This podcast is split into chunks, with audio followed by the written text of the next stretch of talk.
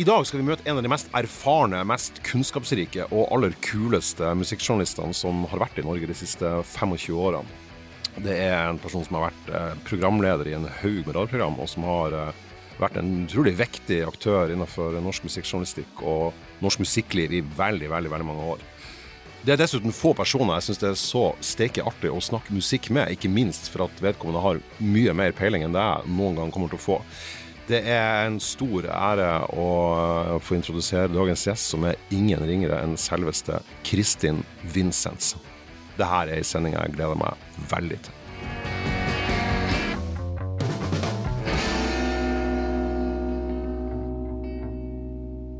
Eh, da vi starta med denne eh, serien vår, så var det noen navn som jeg satt på blokka med én gang. Og i dag har jeg en gjest i studio som definitivt var, var, var etter navnene. Hun har vært eh, med i eh, norsk radio i eh, jeg kan ikke si en mannsalder, blir kanskje feil ord å bruke, men i, helt til midten av 90-tallet, og vært en utrolig sentral skikkelse i norsk musikkjournalistikk. Fra Radio Nova via Rocksrevyen og Musikkmisjonen og Kulturhuset på P2 og Lydverket og eh, en haug med forskjellige program. Og er i dag da eh, musikksjef i kanalen P13. Det er en utrolig stor ære å invitere selveste Kristin Vincents hit. Velkommen hit. Tusen takk, og takk for at jeg fikk komme. Da jeg så at du hadde startet podkast, så må jeg innrømme at jeg håpet at jeg skulle bli invitert. Sier du det? Å, nå ble jeg veldig sjarmert. Det var jo veldig hyggelig å høre, Kristin. Hvordan går det for tida? Du har starta nytt program, har du ikke det? Ja, eller jeg har utvidet sendetiden min ja. eh, på programmet som beskjedent nok heter Musikksjefen. Eh, det var ikke min idé, altså. Eh, men som eh, Ja, det er i hvert fall en riktig yrkestittel. Mm. Hvor jeg to timer i uken presenterer eh, helt ny musikk. Eh, og det har jeg jo egentlig holdt på med så utrolig lenge. og det er noe av det gøyeste jeg gjør, er å pushe musikk på folk. og så går det jo veldig bra i P13. lyttetallene våre har aldri vært bedre. Vi har fått en ny musikksjef i NRK som heter Mats Borch Bugge, som på en måte er musikksjefen over alle musikksjefene, og han har gitt oss eh, total frihet. Så akkurat nå følger jeg med som eh, et barn i verdens feteste leketøysbutikk, for eksempel sånn Hamleys i London, eller noe sånt. Men så bra. Han, han Mats Borch Bugge, han var jo uh, musikksjef i P3. Jeg tok jo over etter Håkon Morstad, hvis jeg husker rett. Eh, og ble jo da en sånn overordna musikksjef for, for, hele eh, jævla NRK-konglomeratet, som består av en haug med, med, med, kanaler. Har det, har det vært viktig, tror du, da? At NRK tok det grepet? Jeg tenker at det har vært kjempeviktig, fordi jeg har jo faktisk holdt på med P13 i eh, Vi fyller ti år i januar 2024. Mm. Uh, og det er jo ganske lenge å ha en sånn stilling, uh, men det, min visjon har hele tiden vært å være akkurat der vi er nå, og så har jeg på en måte aldri gitt opp. For jeg har visst at uh, vi har tenkt riktig. Og så vil resten av organisasjonen komme etter og si ja, men det er jo sånn det skal være.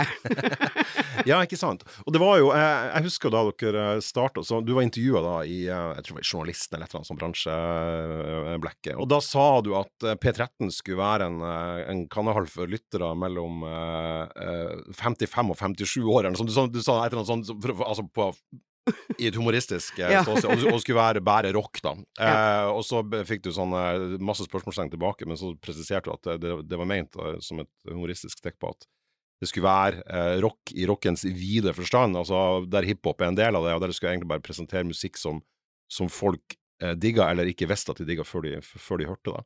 er det den misjonen du føler at du da har tatt videre, da? Eh, definitivt. Og i NRK og sikkert alle andre mediehus eh, i hele Norge, og antageligvis i hele den vestlige verden, så er det jo noe som heter sånn målgruppefokus og den slags. Eh, ja. og vi har på en måte blitt belemret med sånne ulike aldersfokus opp gjennom i P13. Eh, nå er målgruppen vår folk som er mid over middels interessert i musikk. Kan du tenke deg noe deiligere? Ja, det, det er vel perfekt. Altså, det er jo bare Ja. ja. Eh, nå har våren kommet, men det føles også som våren har kommet på ekte i P13. Jeg har aldri hatt det gøyere på jobben jeg har akkurat nå. Sier du det? Åh, oh, Det er så godt å høre, for du har jo vært i NRK Du har vel passert gullklokka, har du ikke det? 25 år? Nei, det nærmer seg vel 2026, eh, tenker jeg. Da har jeg vært ja. 2060, ja, ikke sant? Men, altså. men, jeg begynte allerede tidligere på 90-tallet med Så ble jeg hanka inn av uh, nylig avdøde Erik Jacobsen. Til, som frilanser og laget et Og P2-mann, fantastisk ja, fyr, ja. Et ekstremt smalt uh, musikkprogram som gikk, la oss si, sånn mellom var det halv tolv og tolv om kvelden en gang i uken. Og hadde nøyaktig null lyttere. Det het Bak lydmuren.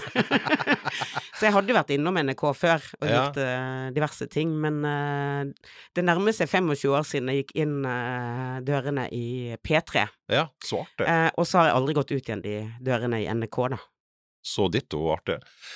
Han var jo en helt fantastisk fyr. Jeg var gjest hos han et par ganger, og han, han nærmest oppfordra og ba eh, deg som gjest om å være smal og rar og ikke tenke på sånn Han hadde en sånn sånn slepen måte å snakke på med sånn skarrer. Så var det sånn her um, Ja, Bare, bare drit i Vi driter i lyttere. Og så er det- det er- Vi driter i det. Sånn. Hvis jeg ikke husker feil, så hadde han altså en helt ekte fransk barnepike. Uh, han vokste opp i en gigantisk villa i Apalveien, som ligger Jeg vet ikke, det tar eh, ett minutt å gå dit fra NRK. Han spilte klaver som barn. Stemmer det, ja, han har spilt i, spilte i konserthuset med Richard Clydeman og den slags. Han var en sann kunstnersjel, og han som journalist har, har sikkert vært med å, å forme òg. Eh, å stå på og tro på det som er litt rart, og som ikke når de aller største massene. Eh, men massene skjønner det alltid etter hvert. Ja, og så er det jo et eller annet med at eh, jeg har jo av og til vært jævlig forbanna på NRK på, på mangel, det mangelfulle musikksatsinga på, på TV, da. Og grunnen til det er jo for at jeg har forventninger til NRK. For at jeg er glad i NRK. Jeg har ingen forventninger til TV 2, så det, det, der har jeg ikke noe sånn Jeg blir ikke noe sur. Om de har null musikk, så driter jeg i det. Og sammen med, med P4 og sånn. Men NRK har jo på radio vært, vært veldig bra, eh, særlig etter det ble flere, flere kanaler. Sånn. Før det, den tid så var det liksom Harald Are Lund og litt Willy B og sånn som, som holdt på. Så du har jo vært med på en eh, jeg skal ikke si en reise, det er verste jeg vet når folk snakker om det, at det har vært en, re en reise, og de er ydmyke. Eh, Fremoverlent reise. ja, men, du, du, men du har jo vært med på, på, på eh, omtrent en, en revolusjon innenfor NRK sin, sin satsing på musikk, og du var jo der fra Du har jobba med Harald Are Lund og, og, og co. Liksom, i, i, i de tidlige, tidlige årene. Ja, jeg måtte jo gjennom en lang samtale med han før daværende musikksjef i eh, P3, Nils Heldal, kunne ansette meg. Han sa du må gjennom Harald Are Lund-testen. Å, du var gjennom en test hos Harald Are Lund! Å, herregud, hvor skummelt! Ja, altså, det var jo, han var jo et eh, enormt stort eh, forbilde som musikkjournalist og radioformidler, og smaken hans var jo helt fantastisk, og jeg var litt sånn eh, Ok, hva skal jeg gjøre? Og det her var, da var jo ikke internett en stor ting. Uh, skal jeg gå inn i musikkleksikon og, og lese meg opp? Og pugge, ja. Blir det en kunnskapstest? Uh, herregud. Uh, men da hadde jeg jo allerede vært musikkjournalist i flere år i Radio Nova. Og så tenkte jeg fuck it, jeg må bare gå inn der og så fortelle hvem jeg er. Eh, og så lot jeg meg vente eh, minst 40 minutter, tror jeg, nede i Radioresepsjonen. Så jeg satt der og skalv. Og ble reddere og reddere, ja. Ja. Sånn, sånn, sånn, sånn, og så var det jo seint på ettermiddagen, fordi Harald Are likte jo best å jobbe om natten, eh, og han valgte selv når han ville jobbe. Eh, Men det her var jo den gangen det ikke var noe røykelov, eh, og NRK-kantinen var delt i to. Røykeavdelingen var gigantisk, Eh, så vi to satt der i halvannen time sånn fem om ettermiddagen Fantastisk. og snakket om musikk. Og så sa han etterpå nei, det her gikk vel greit, skal jeg vise deg hvordan studio fungerer? Herregud, hvor fint. Uh, for Harald Lund, for de som, for de som om det finnes noen da som ikke vet hvem han er, så, er han altså er det største, eller den største radiolegenda i Norge, i hvert fall når det kommer til, til musikk. En slags eh, Norges John Peel, hvis det går an å si det. Ja, så ble han født Han begynte eh, som programleder på NRK Radio det året jeg ble født. Ja, ikke sant? I 1967. Han har liksom eh, sovet på gulvet til Fleetwood Mac i London i 1970, og han, han har egentlig gjort eh, det meste. Ja, og veldig flink produsent, og har jo produsert masse skiver og spilt i band, og mm, hadde jo også en, eh, hvis jeg husker rett, et portrett av seg sjøl, tegna av Captain Beefheart, hjemme. Ja, han, eh, han eh, er en legende Ja. i norsk eh, musikkformidling. Ja, virkelig. Jeg følte at Norge ble, jeg følte at Norge ble sånn hakket dummere når han døde. Sånn, Nå forsvant det så sinnssykt Altså, så kommer det begynne å brenne, at det brenner på biblioteket når folk dør. Han var en, en sånn fyr. Eh, vi skal jo eh, ikke forlate de her tingene. Vi skal komme tilbake til, til den tida der og, og NRK og alt det her. Men jeg er jo interessert i eh, det biblioteket som er oppi hodet på andre sida av bordet her òg, for det er jo ganske enormt. Ja. Eh, du har en vanvittig eh, stor kunnskapsbase. Du kan sinnssykt mye om, sin, om, om sinnssykt mye. Altså, du har en veldig bred smak og, og interesse, og alltid når jeg snakker musikk med deg, så er det masse jeg føler for å slå opp og sånn mens jeg snakker med deg. Det er en kompliment. Eh, men jeg har lyst til å høre hvor, hvor det her starta. Du er jo fra, du er fra Bergen, er du ikke det? Ja, jeg er fra Fana. Ah, Utenfor ah, er Bergen. Ja, ja. Nei, men det er viktig å presisere at jeg vokste opp i en bygd. For det, Ja. det vil også ha noe å si for min utvikling som musikkelsker. Absolutt. Hvor mange bodde der da du var lita? Å gud, jeg har overhodet ikke noe tall, men uh, det var jo også uh, Det var noen villaer her og der, og så var det mange gårdsbruk. Vi Mm. var eh, så få da jeg begynte i første klasse på Krokeide barneskole at vi ble slått sammen med andre klasser. Da tror jeg vi var elleve stykker. Eh, Oi. Vi kjente absolutt alle i bygden, og da mener jeg alle. Eh, Ja, da snakker vi Her snakker vi midten av 70-tallet. ja, vi Ja, snakker mm. eh, Ja. Mm. Altså, man kunne navnet på bikkjene til folk. Man visste hva alle sine bestemødre het og den slags. Nå har jo det blitt eh, en gigantisk bygd, og Fana har blitt en sånn greie. Eh, så det har blitt veldig fortettet, og kanskje ikke naboene kjenner hverandre lenger og den slags. Eh, Nei. så jeg tror kanskje at eh, min opplevelse av å oppdage musikk og sånn ville vært annerledes hvis jeg vokste opp midt i Bergen sentrum. Hvorfor mener du det? Jeg, jeg tenker at det alltid har vært en litt rar jente.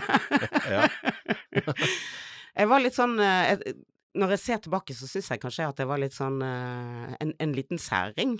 Eh, jeg begynte å lese da jeg var fire, og var en forferdelig veslevoksen, tror jeg. Eh, foreldrene mine oppdaget det da jeg lå på stuegulvet eh, og leste høyt fra Bergenstidene. Var du en sånn enerverende unge som, som skulle være voksen også, da? Jeg syns jo ikke det da, Nei. men når jeg ser tilbake på det, så tenker jeg at eh, jeg må jo ha vært eh, på mange måter helt sykt irriterende. Og så var jeg veldig interessert i eh, Altså, jeg slukte alt jeg kom over av bøker, idet jeg klarte å sette bokstavene sammen til en slags forståelse. Jeg var veldig opptatt av teater og ballett. Og ballett. Ja da, og eh, drømte om å bli forfatter. eh, og det var veldig mange av de drømmene og interessene mine som overhodet ikke ga gjenklang i den bygden hvor eh, det viktigste kanskje var å ha de rette sånn Det var litt sånn rånemiljø. Bil. Ja. Eh, eller først fikk du en sånn Kawasaki-moped, ja. eh, helt til du kunne ta lappen, og da du en, kjøpte du en sånn eh, Ford 17M-modell. De Ja. var jo selvfølgelig da billige, for da var de jo allerede blitt ganske gamle. Og så kjørte man rundt i bygden og hørte på eh, Det kan ha vært sånn Dr. Hook, Ja, for eksempel, kan jeg huske. Norge, ja. Litt Eh, Creedence òg, vil jeg tro. Creedence, mye Mm. av det, Gasoline, Mm. og så videre, og så og det ga kanskje ikke helt gjenklang hos meg. Nei. Og da fant jeg på en måte redningen i min mors platesamling. Hos din Eh, mor? Ja. Det er veldig spesielt. Det er veldig sjelden man går til mora si Ja. Altså, hvis man spør musikknerder rundt om, eller eksperter, eller hva man skal kalle dem for, eh, og man spør dem hvor de har henta sin største inspirasjon fra sånn i barndom og ungdomstida, så har de fleste en eldre bror, eh, oftest da, eller en eldre søster, eller en sånn type sånn onkelskikkelse, eller noen storesøsken til noen venner. Men det er svært sjelden man går til mora. Av og til faren, svært sjelden til mora. Så det her syns jeg gjør det bare enda, enda søtere og finere. da. Hva, hva, hadde hun, eh, hva hadde hun hørt på? Hun, hun var veldig opptatt av eh, amerikaner som Patsy Cline, Johnny Oh. Cash, Jim Reeves, alt det der, eh, som jeg fortsatt elsker den dag i dag. Eh, og hun hadde altså en platespiller eh, i en sånn teakhylle, som var typisk på den tiden, tror jeg. Og mitt første minne om å bli introdusert til musikk eh, Jeg må også nevne at hun hørte på, eh, eh, på radio også, døgnet rundt, eh, fra jeg ble født til hun døde nå før jul. Hun hadde er radioer i absolutt, absolutt alle rom. Men mitt første minne, for jeg var også veldig glad i å, som sagt, å uttrykke meg på forskjellige måter, Ja. var at jeg ble tatt på fersken. Jeg sto ofte veldig tidlig opp, og så gjorde jeg sånne ulovlige ting. Eh, og så hadde jeg funnet eh, en vinylplate som jeg tok ut av coveret, og så satte jeg fargela den, for det virket som Nei, på- utrolig På vinylen? Ja. Nei, nei, nei, nei! nei. Og det virket som utrolig sånn eh, Faen, dette her er jo et lerret man kan bruke. Å, fy faen, det, jo, det der er jo ikke lov. Jeg er fullstendig klar over det. Ja, det er jo husarrest i Men dette her sier så veldig mye om min mor, eh, fordi hun eh, var aldri sint. Hun var alltid bare klok. Jeg husker det så godt fordi at eh, den skammen jeg følte over å ha ødelagt noe hun var veldig glad i, var eh, Ja. sterk. Men det hun sa var nå skal jeg vise deg hva man bruker dette til. Eh, og da må jeg ha vært veldig liten, for hun, hun lærte meg da å sette på en vinylplate. Herregud, så fint. Ja. Ja. Husker du hvilken plate det var du herpa, eller har du fått fortalt det? ja, det var Johnny Cash. Nei, nei, Um, Original Johnny Cash-plate. Og jeg, ja. får- jeg får vondt i hele meg av å høre Ja, ja, ja, på. Og, og samtidig er det litt, er det litt Faktisk, vakkert. nå fikk jeg litt sånn eh, blanding av gåsehud og stor skamfølelse. Ja, jeg fikk blanding, blanding av gåsehud og, og sånn, eh, og sånn uh, skyldfølelse på dine vegne. Jeg ber liksom Ja. plutselig en sånn hund som har vært i kakeboks. Men da, da var det sånn uh, wow! Tenk eh, Det kan sikkert ha vært omtrent på den tiden jeg lærte meg å lese den slags, og bare på oppdage, kunne oppdage verden på Mm. egen hånd. Jeg kan sette på en vinylplate, jeg kan lese min egen bok, eh, og kan skrive hemmelige ting på små lapper og sånn. Og så hadde jeg jo, og har fortsatt, eh, heldigvis en eh, eldre. Ja, ikke Ja. sant. Ja. Og han eh, er en god del eldre enn meg, så han flyttet jo hjemmefra da jeg var ganske ung, men eh, før den tid så klarte han å opparbeide seg en helt formidabel platesamling. Å herregud, du har fått i, du har fått i eh, alle kanaler, du.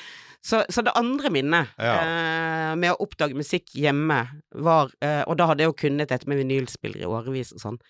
Og dette gulvet hvor jeg lå og lærte meg å lese, var liksom favorittstedet mitt, da. Mm. Å ligge foran vinylspilleren og sette på plater og sånn. Og så hadde han kjøpt en uh, plate som så litt sånn uh, spennende ut. Og det var den som sto fremst i bunken, og det var jo Black Sabbath. Å herregud, debuten fra Ja, 1970, eller vel? Ja. Og Jesus Christ, eller Satan, kanskje man skulle si. Og jeg Den er så husker skummel. fortsatt, jeg bare Kan musikk også, være ja. skummelt også? uh, og det, det gjorde sånn helt vanvittig inntrykk. Og etter det så begynte jeg bare å forsyne meg helt sånn grovt. Helt sånn Jeg hadde jo ingen uh, tanke på sjanger eller, Nei, nei, nei. eller noen ting som helst. Men det var, uh, det var en sånn enorm frihet i å kunne velge hva jeg selv ville holde på med, og hva jeg selv ville høre. Det er jo, det her, det du sier nå, Kristin, er jo veldig sånn forklarende også for hvordan du har bidd. Eh, altså veldig sånn, Den grunnmuren her høres veldig logisk ut. Eh, for at fellesnevneren mellom eh, eh, Patsy Cline eh, og Black Sabbath eh, Du har liksom ei amerikansk dame som Hun ble vel bare 30 år, døde i flyulykke, men som var første kvinnelige soloartisten i Country Music Hall of Fame og sånn. Veldig, veldig stor, og veldig tilgjengelig, altså glatt i betydninga veldig kommersielt tilgjengelig og, og alt sånn. Og så har du da noen limsniffere fra Birmingham som lager, Ja. sa, lager satanrock. Og det her miksen er liksom det du Det DNA-et du er satt sammen av. Så det er jo, det er jo jævla forklarende. Altså. Det er helt nydelig, helt nydelig å, å høre om. Ja, og det vekker jo mange minner, gode, veldig gode Mm. minner å sitte og snakke om uh, dette her nå. Uh, og, og min bror var jo sånn Min mor pleide å fortelle dette altså, helt til hun nå uh, ble borte. For det, det, hun lo fortsatt. Var at da min bror skulle kjøpe julegave til foreldrene mine på slutten av 60-tallet, eh, så kjøpte han alltid vinylplater til de som han selv hadde lyst på. Som Og sånn. til å høre på. Ja. Så, jeg eh, lærte meg noen triks òg, tror jeg. Ja, det var jo- eh, det var jo av smart. Helge, som han heter. Ja. Mm, det var jo et lurt triks. For det er jo sånn, eh, Jeg hadde en kompis som brukte å kjøpe Han brukte å kjøpe knallpistoler til søstera si i bursdagsgave, og, så kjøpte hun dukke til han. Ja, ja. Samme, samme opplegg. Det er bra sånn uh, deal. Ja, ja, ja. Men det, det er jo altså- helt fantastisk at du da hadde den der, at du da hadde den der um, forståelsen at musikk var viktig, da. Fra både søsken og, og, og foreldre, da. Ja, det var liksom noe man hørte på fra man eh, våknet om morgenen, via radio. Mm. Eh, og så hørte man på vinylplater gjennom dagen, og så eh, ble man sunget for eh, ved sengen om kvelden i mange, mange år. Eh, så det var jo også eh, masse barnesanger og, og den Mm. slags. Så jeg, jeg følte at jeg fikk veldig sånn bredt En bred innfallsvinkel til musikken, da. Og nå har jeg jo vært og ryddet ut av barndomshjem og funnet bilder av meg og gamle ting jeg har tatt vare på. Ja, sånn. fra Jeg var jo en raring, ja. og noe eh, et, virkelig fantastisk jeg fant her eh, forleden dag, var faktisk eh, en konvolutt jeg trodde jeg hadde mistet. Og den var jo fra New York, i 1979. Hvem var det som fikk brev fra New York i 1979? Jeg så det på Facebook! Herregud, hvor bra! Fortell, ja. fortell lytterne våre. Det er jo helt, helt fantastisk. Fordi at jeg begynte jo eh, å skrive fanbrev til artister, for jeg ville liksom eh, Jeg tenkte altså jeg vil ha kontakt med disse menneskene som gjør livet mitt så utrolig rikt og spennende.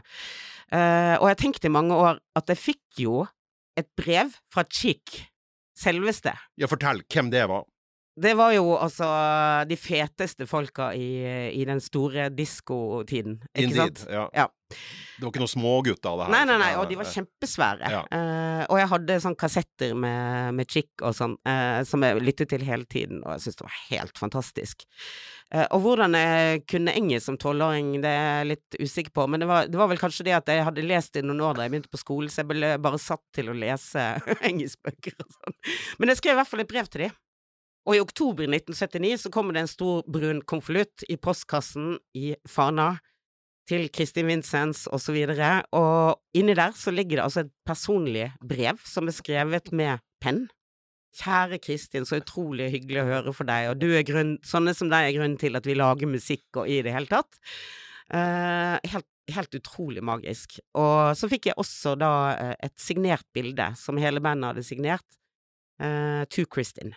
Da var jeg tolv år gammel. Ja, det, der, det der er så jævla bra, for at altså, i dag så, altså, så ville, Hvis man skulle sette situasjonen inn i dagens eh, verden, da, at for eksempel da Nile Rogers da, i, i Chick, at han hadde en Twitter-konto, eller en Instagram-konto, eller eh, Snap, eller whatever.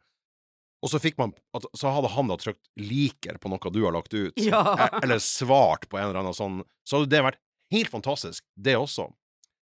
Men det her er 10 000 ganger mer fantastisk, Ja. for at det er et analogt brev som du først har sendt over Atlanteren, og så fått i retur, og det er skrevet til deg, og de har signert det. Det er faen meg så bra, det der, at det Ja, det, og jeg ble jo så glad at jeg begynte å grine da jeg skjønte at dette har foreldrene mine tatt vare på alle, i alle år. Det har ligget på en kasse, oh, i en bra. kasse på loftet, så nå er det jo øh, med meg hjemme. Men det kan kanskje forklare litt om hvilken type menneske jeg var, da. Absolutt, Eh, litt sånn absolutt. ambisiøs drittunge som bare Ja, eh, faen, denne bygden her er litt liten for meg.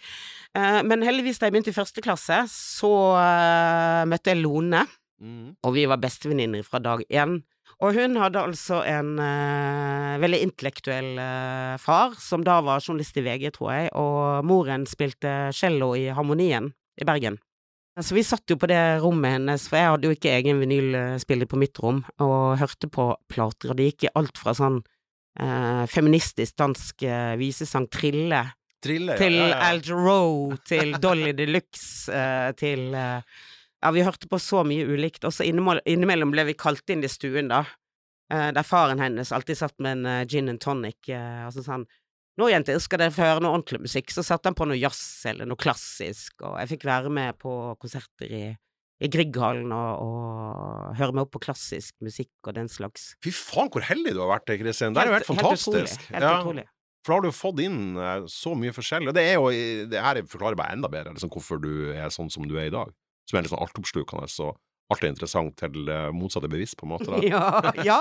Men den, den, den, der, der den nysgjerrigheten der er For den, den, den er veldig, veldig vanskelig å, å vekke til live i type, slutten av 20-årene. Du må på en måte få det inn så tidlig at det blir en naturlig del av måten å, å tenke på det. Men, men eh, eh, det jeg også synes var artig, som, som du nevnte bare helt sånn i forbifarta, det var jo at når man hører at du drev og hørte på, på Johnny Cash som lita jente, så, tenk, så, tenk, så høres det helt sånn det høres helt sånn normalt ut. Men i dag har jo Johnny Cash en helt annen sånn status enn Johnny Cash hadde da. Altså I Norge så var Johnny Cash en litt sånn, et litt sånn her eh, Harry Johan-navn på, som ble hørt på på landsbygda, og, og som ble kjøpt på kassett. Det var jo ikke noe sånn kreddeopplegg, Johnny Cash, altså. Nei, det er bare noe folk går rundt og innbiller seg nå.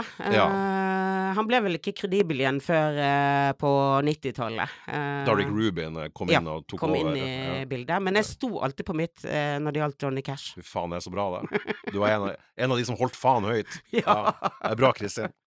Du sa også i et, i et sånt intervju da, da P13 skulle, skulle starte, at du hadde at du hørte på musikk ca. 14 timer om dagen før, men nå hadde du liksom moderert det, så nå hørte du bare på musikk 8 timer om dagen. så, så skulle du føle det høres så lite ut.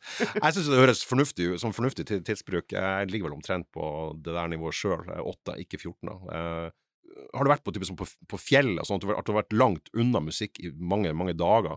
Har, du- har du kjent på den reelle abstinensen på å få musikken i ørene? Jeg gjorde det før. Ja. Nå, nå, hele arbeidsdagen min eh, består i å høre på musikk. Det første jeg gjør eh, når jeg våkner, er å skru på P13, for jeg må høre hvordan høres dette her ut. Ja, din egen kanal, Ja. ja. ja. og hvis jeg hører noe jeg syns er litt sånn 'å nei, faen, det der blir litt feil', og sånn. Eh, så det er jo en slags sånn jobb, pluss at jeg syns vi har veldig gode programledere. Og så kommer jeg på kontoret, og så begynner jo jakten på ny musikk, da. Mm. Eh, og som altså opprettholder databasen, eh, databasen vår over alle låtene vi spiller. Eh, Ja, for- Kan du forklare hvordan det her funker? For når du sier at når du hører på morgenen at nei, det her blir feil, da er det noe som du sjøl har lista, som du hører at faen, det her må ut. Så må noe annet inn. Ik ikke nødvendigvis. Det kan uh, Fordi at uh, vi spiller litt ny musikk, men vi spiller jo også gamle kjente låter og ukjente låter og den slags. Uh, For det er jo det som er kult med P13. Det er jo nettopp at du kan få høre en bra låt fra 1977. Ikke sant? Uh, men som jeg sa, så har vi nå fått frie hender til å være de vi alltid har hatt lyst til å være. Men målgruppen har endret seg eh, innimellom. Og før så har vi måttet ta sånne musikkundersøkelser, uh, hvor utfallet på en måte er gitt på forhånd, og det Ja. at eh, det eneste folk vil høre på, er veldig kjente låter fra 90-tallsband, og det er jo ikke sant i det hele tatt. Så dette her er vel mer sånn at jeg nå driver og feier i krokene. Og så er det et eller annet med jeg, jeg husker jeg var jo i krangel med, med P3 på 90-tallet, der jeg drev og styrte sjøl og, eh, og drev og ga ut singler med band og sånn. Og så var Harald Lund spilt alle singlene som jeg ga ut. Alle. Det var bare sendt til han, og det ble spilt på Ja. radio. Eh, og så fikk man beskjed om at eh, fra Det var vel Håkon Mosleth, tror jeg, i den tida. At uh, Nei, vi ikke å spille her. Og det var, det var en del av de bandene var veldig sånn tilgjengelige. Det var Ricochets og We og en del sånne ting. Men det var sånn uh, Vi ikke å spille her nå, men hvis det blir en hit, så, så kommer vi til å spille. men hvordan skal det bli en hit hvis dere Ja, ikke spiller det? Da blir det en sånn selvoppfyllende uh, idioti da, som, som, som, um, som gjør det veldig trangt. Det nåler nåløyet å komme inn da, og det der er jo P13, tenker jeg nå, en sånn Dere er jo der jeg skulle ønske at ting var før. Det var utrolig bra at dere er der, og at du nå sier at du tillegg driver og feier i krokene, gjør at du blir jo meget optimistisk på, på veien fremover òg, da. Altså, man trenger jo ikke høre en Queen-låt, for eksempel, som absolutt alle i hele universet har hørt 5000 ganger før, og Nei. som eh, for å snakke strømmetall, da kanskje har blitt spilt en milliard ganger på Spotify. Man trenger å vise frem den musikken som folk ikke finner. Man trenger ikke å spille Queen, punktum. Det, det, det, det er min svært, svært bastante mening, men eh, Apropos men, feiing, så er alle Queen-låtene nå borte fra basen vår. Kan få lov å spille den her eh, live at BBC-versjonen av We Will Rock You. Takk. Ja. Det, Det høres Jeg noterer den ned her. ja, Ja.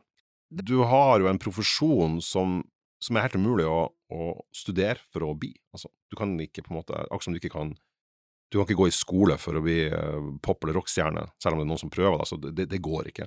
Eh, og du kan heller ikke lære deg å få peiling på musikk ved å gå på skole. Men det, det, det starta jo med fargelegging av en, av en Johnny Cash Ja, på, på Fana.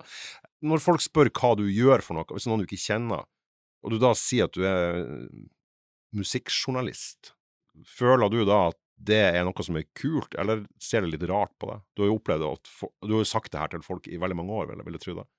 Jeg føler at uh, musikkjournalistyrket hadde mye høyere status før. Definitivt. Og det var jo sånn på, på 80-90-tallet, så, så leste man jo magasiner og, og fulgte liksom de feteste uh, musikkjournalistene som man kunne stole på. Men i takt med at uh, ja, avisene skriver jo knapt nok, eh, kanskje med unntak av dere, Ja, Og og Klassekampen, og- ja. eh, Mm. Eh, så er det jo kanskje tre linjer om en veldig kommersiell eh, utgivelse og sånn, så jeg føler vel at folk tenker mer på det som en sånn greie man gjør når man er veldig ung for å få noen gratisbilletter til en eh, konsert. Og så Ja. blir man voksen og får seg en ordentlig jobb. Ja, Nettopp. Musikk- og sportsjournalistikk har man tenkt på som en sånn det, det var de som ikke fikk de ordentlige, Ja, ordentlige jobbene. De satt man bare til, til, til det. Men hvordan er det nå med, med rekruttering inn til denne fortsatt uh, viktige, syns jeg, da, men litt sånn smale sjangeren av profesjon? Er, er, du jobber jo med der. Kommer det tilsig av nye folk hele tida? Vi har faktisk eh, et par i eh, avdelingen vår, eh, vil jeg si. Jeg jobber i Mm. radiounderholdning, fordi P13 er underlagt underholdningsavdelingen i NRK. Som ikke jobber med musikkprogram per nå, men som har den driven og den eh, kunnskapen. Og så har vi en, eh, en eh, ung eh, elektronika-DJ hos oss på lørdagene som heter Mats Frantsvåg.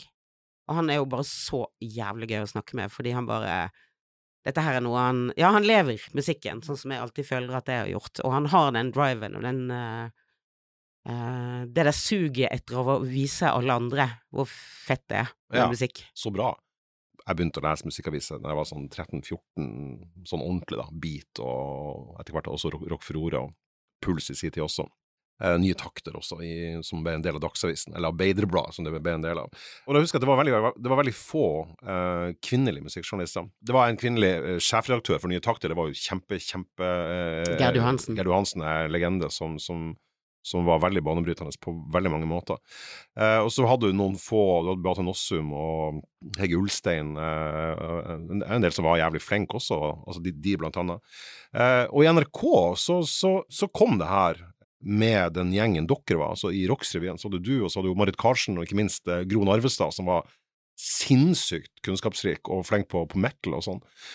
Men det har likevel vært en slags sånn her, altså, klisjeen av en musikkjournalist. Da tenker man på en mann som er svartkledd og har langt hår. Ja. altså, hele, hele, den, hele den klisjeen der. Mm, men som kan alle kodene og ja. Ikke sant. Eh, eh, Følte du at, at, eh, at det å være ei dame ga deg liksom noen ekstra utfordringer i det å bli tatt på, på alvor? Eller er det et jævla gubbetspørsmål å komme? Nei, Nei. det syns jeg ikke. Men uh, uh, jeg dro jo uh, Flyttet som sagt hjemmefra som tenåring, i mitt forsøksgymnas i Oslo. Mm. Eh, og der kom jeg i klasse med en eh, Det er akkurat som jeg bare eh, tiltrekker meg, eller omvendt, folk som er interessert i musikk, men eh, datteren til Gerd Johansen, Kjersti. Nei, sier du det? Vi gikk i samme klasse. Nei, fantastisk! For en tilfeldighet. Så, ja. så artig. Ja. Eh, og det eneste jeg ville gjøre i Oslo, fordi eh, man var jo på, i hvert fall i Bergen på den tiden, helt ekstremt sultefòret på liveopplevelser. Ja. Eh, og jeg var jo ikke fylt 18 eller noe sånt, så man måtte jo ofte snike seg inn på Hva er årstallet her? Hæ? Det er 1984. Ja, ok. Ja. Mm, ja. ja. Og jeg husker at det var flere konserter eh, vi ønsket å gå på, og så hun bare Ja, vent, vi stikker innom kontoret til mamma, Gerd Johansen, da. Og hun bare faen, altså nå er jeg Nei, jeg er litt blakk, det er rett før lønning, og vi har ikke mer brød hjemme, men faen, jenter, det er viktigere at dere går på konsert enn at Nei! Herregud, hvor dritkult! Og da tenkte jeg sånn Det er en dame. Ja. Hun jobber med det som jeg elsker mer enn noe annet i hele verden, eh, og hun er jo helt rå. Eh, så hun ble et veldig sånn stort forbilde for meg. Det er jo et bevis på at hun bana vei, da. Fikk du da en idé om at det her kan jeg komme til å bli en dag? Eh, nei, ikke der og da. Eh, men det må jo også nevnes at jeg gikk på Hop ungdomsskole i Bergen. Så, så havnet jeg også i en gjeng som var helt sykt musikkin, musikkinteressert. I Bergen på den tiden var det veldig hipt å være mod. Altså, man kjørte sånn Vespa-scooter og hørte på The Specials og The Jam. Mod og sånne ska og Ja, ja, ja. Mm. Og dette ble jo selvfølgelig bestekompisene mine med en gang. Men da klarte jeg altså å overtale rektor til at jeg fikk være DJ i Storefri, så jeg satt uh, inne i gymsalen med en sånn platespiller. så, uh, spilte jeg låter i Hvor lenge varte Storefri? Tre kvarter, eller noe sånt? 25-30 minutter? Ja, ja, ja, men det føltes som en time. Ja, ja, ja, minst. Ja. Eh, og det fins et bilde av meg et sted hvor jeg sitter der. Og så ble denne musikken da blåst ut via sånne høyttalere som man har i skolegården, i tilfelle eh, rektor har noe viktig å si. Ja, ja, ja. Så den, eh, det ønsket om å være musikkformidler har jo alltid vært der. Jeg tror det var veldig viktig for meg å se sterke kvinner som kunne holde på med dette her, at dette var noe man kunne drive med. Da du eh, ble det, for du, du, ble jo det i aller høyeste grad, og er jo det, eh, og, og har vært det kjempelenge. Du har jo gjort eh, flere tusen intervjuer, og, og eh, er jo virkelig en av de mest anerkjente musikkjournalistene i landet. Eh, og, og det jeg da lurer på, det var når du da kom inn den døra og begynte med det her. Det å da være dame i et veldig sånn mannsdominert miljø, der, der til og med klisjeen på en musikkjournalist faktisk er en mann. Følte du at, du kanskje måtte jobbe hardere for det enn du ville ha måttet gjort hvis du var gutt? Jeg tenker at jeg var eh, veldig heldig som startet med dette her i Radionova, eh, for der er det på en måte ikke noe hierarki, eller var ikke det da. Eh, men jeg husker også da jeg kom på stand deres på Blinden, eh, så tenkte jeg sånn kan jo ikke søke meg inn i musikkredaksjonen, for jeg kan jo sikkert ikke like mye som de gutta. Eh, Nettopp. så jeg sa jeg vil gjerne være med i kulturredaksjonen.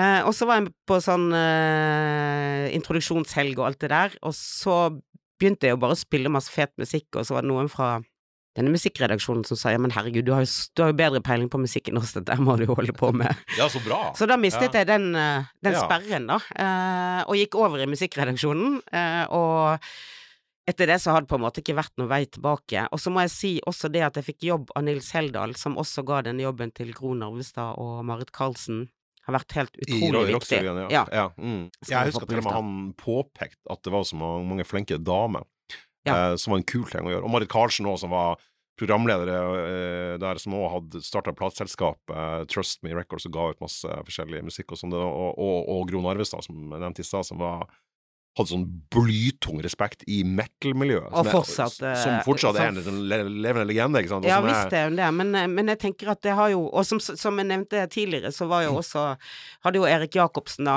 uh, headhuntet meg til å lage Ja. sånt jeg, jeg- tror jeg drev og analyserte tekstene til Einstürzen Neubauten og sånt. sant? Um, Et tysk avantgarde-band eh, som, Ja. er, som er veldig vrien å analysere tekstene til. Ja. Jeg har jo tross alt hatt litt tysk på skolen, men så bra var jeg jo kanskje ikke.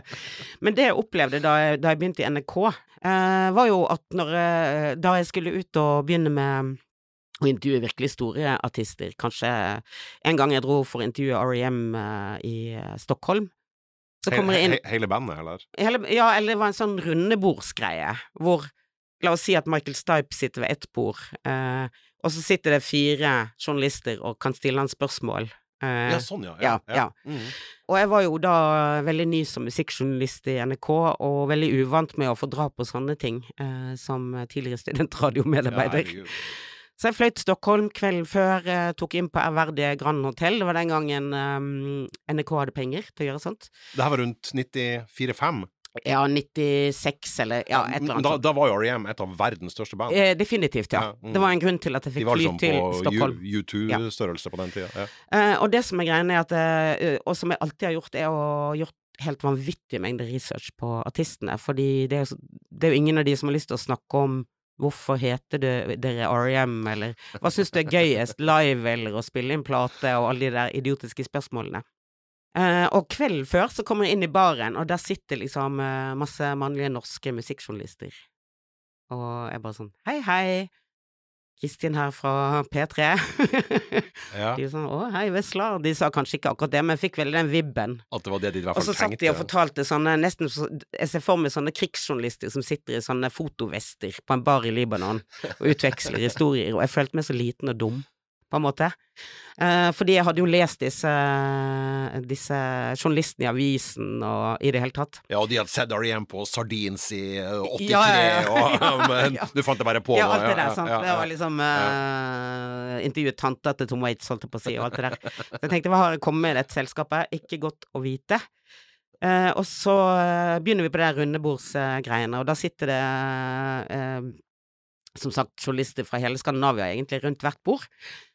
Og da har jeg liksom bladd meg helt eh, bakerst i infoen jeg kunne finne om Michael Stipe, og så spør jeg eh, hva hans forhold til haiku er, fordi jeg hadde sett noen sånne sammenligninger eh, mellom tekstene hans på den tiden og haiku-diktning, og visste at han var ganske glad i det. Ja, Og han bare lurt. ok. eh, og så, eh, etter alle der, eh, den intervjurunden var over, så kom det liksom en fra plateselskapet og sa hun skal få komme inn og snakke med hele bandet nå. Nei, du fikk audiens alene! Ja! Fantastisk! Kristin 10, de andre 0. Å, dæven, hvor bra! Hvem var det som satt der? Hvem var de, hvem var de suringene? Var Geir Akvåg og co.?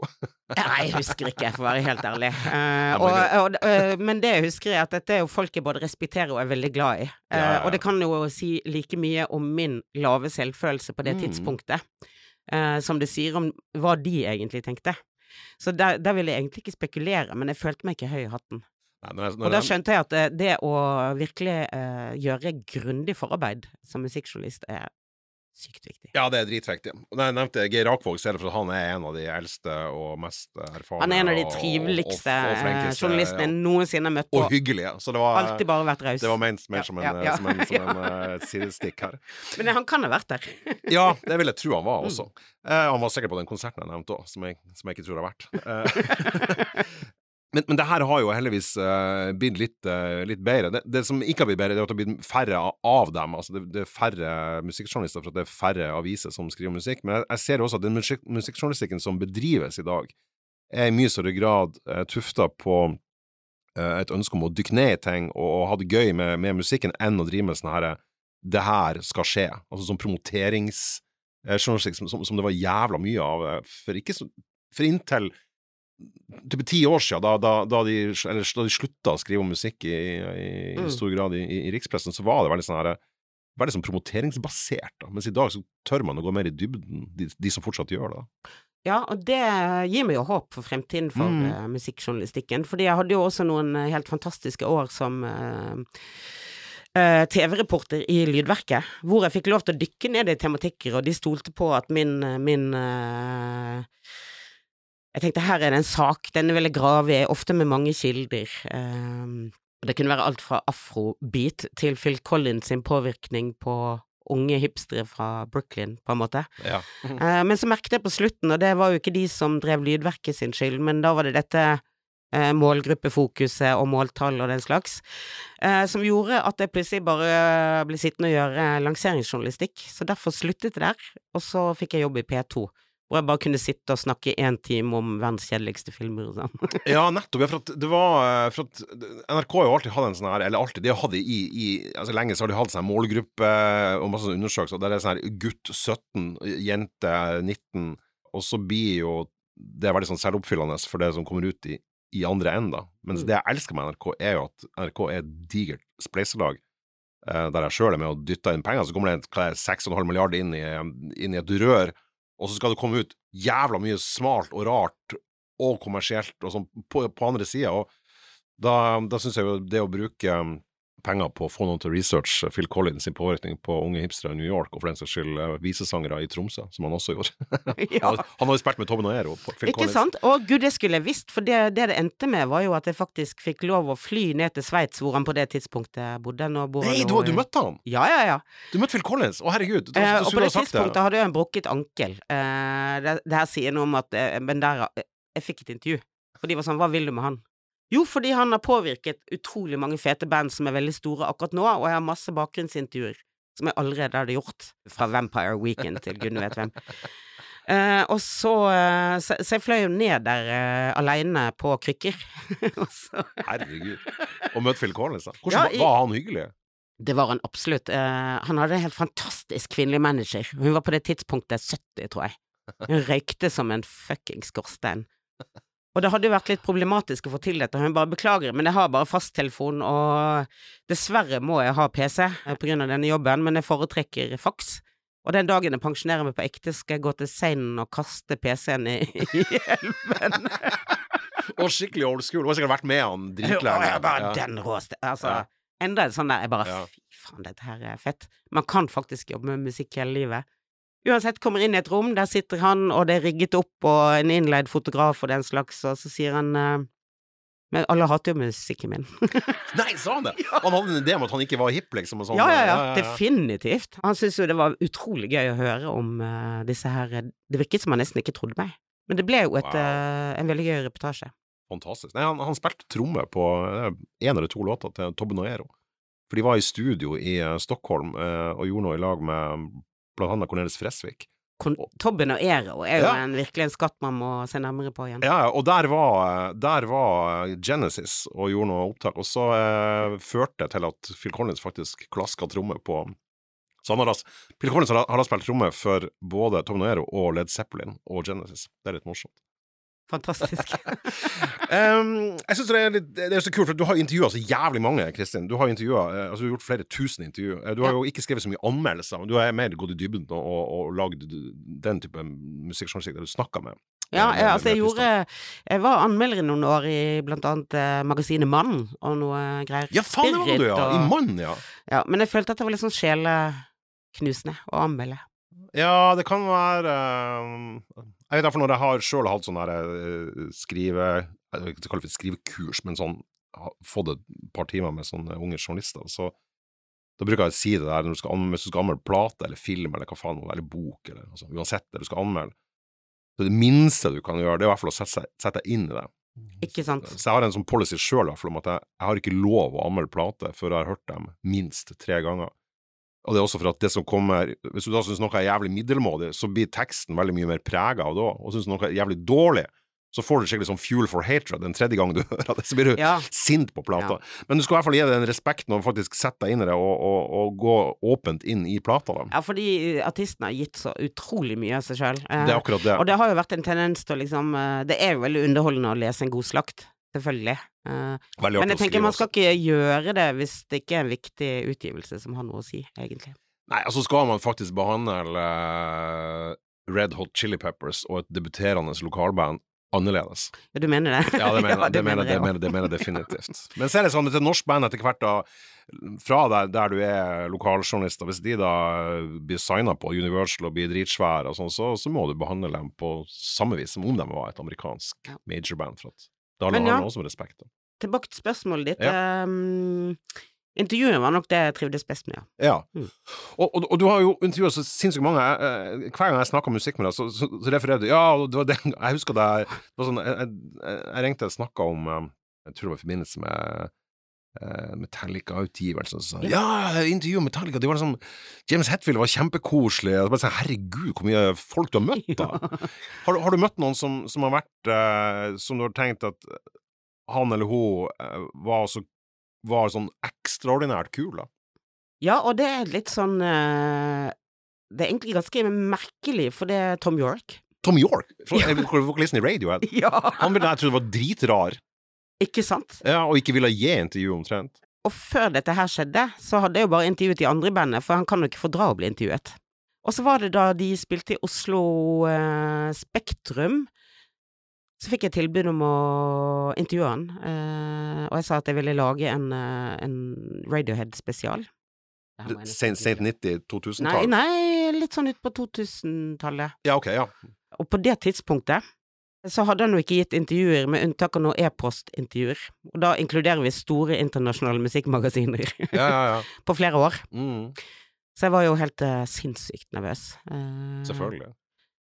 Og så skulle intervjuet foregå etter konserten, uh, og konserten var jo helt fantastisk, magisk. Eh, Etter konserten? Etter Det- Det er jo jævla rart. Da vil, da vil de jo være i fred og ja. Det er ikke mange ganger jeg har opplevd det. Um, og da eh, husker jeg at jeg måtte gå og kaste opp før eh, jeg skulle møte han, fordi jeg var så nervøs. Ja. For jeg tenkte, altså, er det eneste journalisten akkurat nå eh, i hele verden som får snakke med Tom York? Hva hvis jeg bare ødelegger denne muligheten? Ja, så blir du grunnen til at han fortsatt ikke gjør en gjør, Å å nei, det her skal jeg aldri gjøre, gjøre mer. eh, Ja, ja, for på et eller annet tidspunkt så mistet jeg jo eh, den starstruck-heten. Eh, og da, da er det mye enklere å snakke med store stjerner, selvfølgelig. Mm. Uh, og den hadde jeg jo mistet, men det var noe med Tom York, da. Uh, spesielt fordi at han var så lukket og mystisk. Og så kom jeg inn, inn på dette rommet hvor vi skal intervjues, og han bare 'ja, skal det være et glass Chablis?' Og det skulle det jo. ja da, Ja. det skulle det selvfølgelig. Man Ja, sier jo ikke nei takk til noe sånt. Nei, nei. Um, jeg tror jeg hadde fått maks 20 minutter, og så gikk det jo veldig, veldig bra. Vi hadde en eh, ekstremt god samtale. Det var ikke sånn der eh, Hvorfor heter det albumet Kid A? Altså, det var jo sånne følelser og Ja, ja, ja. Det var helt eh, nydelig, egentlig. Så når det har gått 20 minutter, så kommer den kvinnelige manageren eh, hans inn Mm. og sier liksom noe eh, Han bare Nei, nei, nei, dette her går fint. Så vi ble sittende en time. Fantastisk. Det er så kult, det. For at da de, Man skjønner jo at de har sånne limits på, på 20 minutter. Eh, Det er Ja, ja, ja. Altså, det er jo krise, så- praktiske ja, hensyn. Ja. Eh, Disse artistene skal jo ha et liv òg. Ja, og i tillegg, hvis det er, hvis det er helt krise, så kan du komme og si det, det var 20 minutter. Uh, men mitt inntrykk er veldig ofte at hvis det, er, hvis det fungerer, sånn, så får du den tida du, du vil ha. Hvis de sjøl syns at det er givende å sitte der. Og det syns jo da åpenbart eh, Tom York at det var. Ja, og det var jo veldig stort for meg. Ja, klart. Eh, og så sa hun manageren etterpå wow, dette gikk jo bra, men eh, det skulle jo bare mangle. Han kan ikke fordra å bli intervjuet av mannlige musikkjournalister. Å ja, nettopp! Han hater, han hater klisjeen. Ja, så du- han, ja, han hater klisjeen ja, så inderlig. Ja, og bra ikke jeg var der, da. Ja. Jeg, jeg har fått et Spørs hvordan det hadde gått. Men jeg har jo møtt masse kule artister, altså, og Ja. noen av de har blitt men, vennene mine i ettertid, som Mercury Rev og gudene vet. Ehm, så jeg, har- møtt eh, helt fantastisk mye bra artister, syns jeg. Det er mange som har spurt meg opp igjennom, som jente eller kvinne, da. eh, hadde opplevd mye sånn eh, kjipe ting fra mannlige artister. Jeg har egentlig ikke det. Altså type sånne seksuelle Ja, ja, tenåringer? Ja, ja, ja. Det var jo så bra Men du kanskje det gjelder å komme Altså, det hjelper å komme inn, og det er så utrolig tydelig at jeg er nerd, da. Ja, det tror jeg Ja, for da, da blir jo det òg altså, Det er jo feil i utgangspunktet, men da ville det så litt omløp i topplogget, så vil du skjønne det. Eh, Men jeg husker også, du, du intervjua jo um, et av mine favorittband, uh, The Cramps. Ja. Uh, Poison Ivy da, og Luxon Terrier. Uh, et intervju som, som stadig vekk blir posta med sånn ujevne mellomrom på, Ja. på sånne fansider, av den enkle grunnen at Luxon Terrier kanskje du forteller, eller, hva, hva er din teori på hvorfor det intervjuet fortsatt blir, blir posta på lukka forum på internett? Hvis jeg skal si det diplomatisk, så er det sikkert fordi Nei, nei, nei, at det er jo veldig ikke- Ikke si Nei, nei, diplomatisk. nei, ok.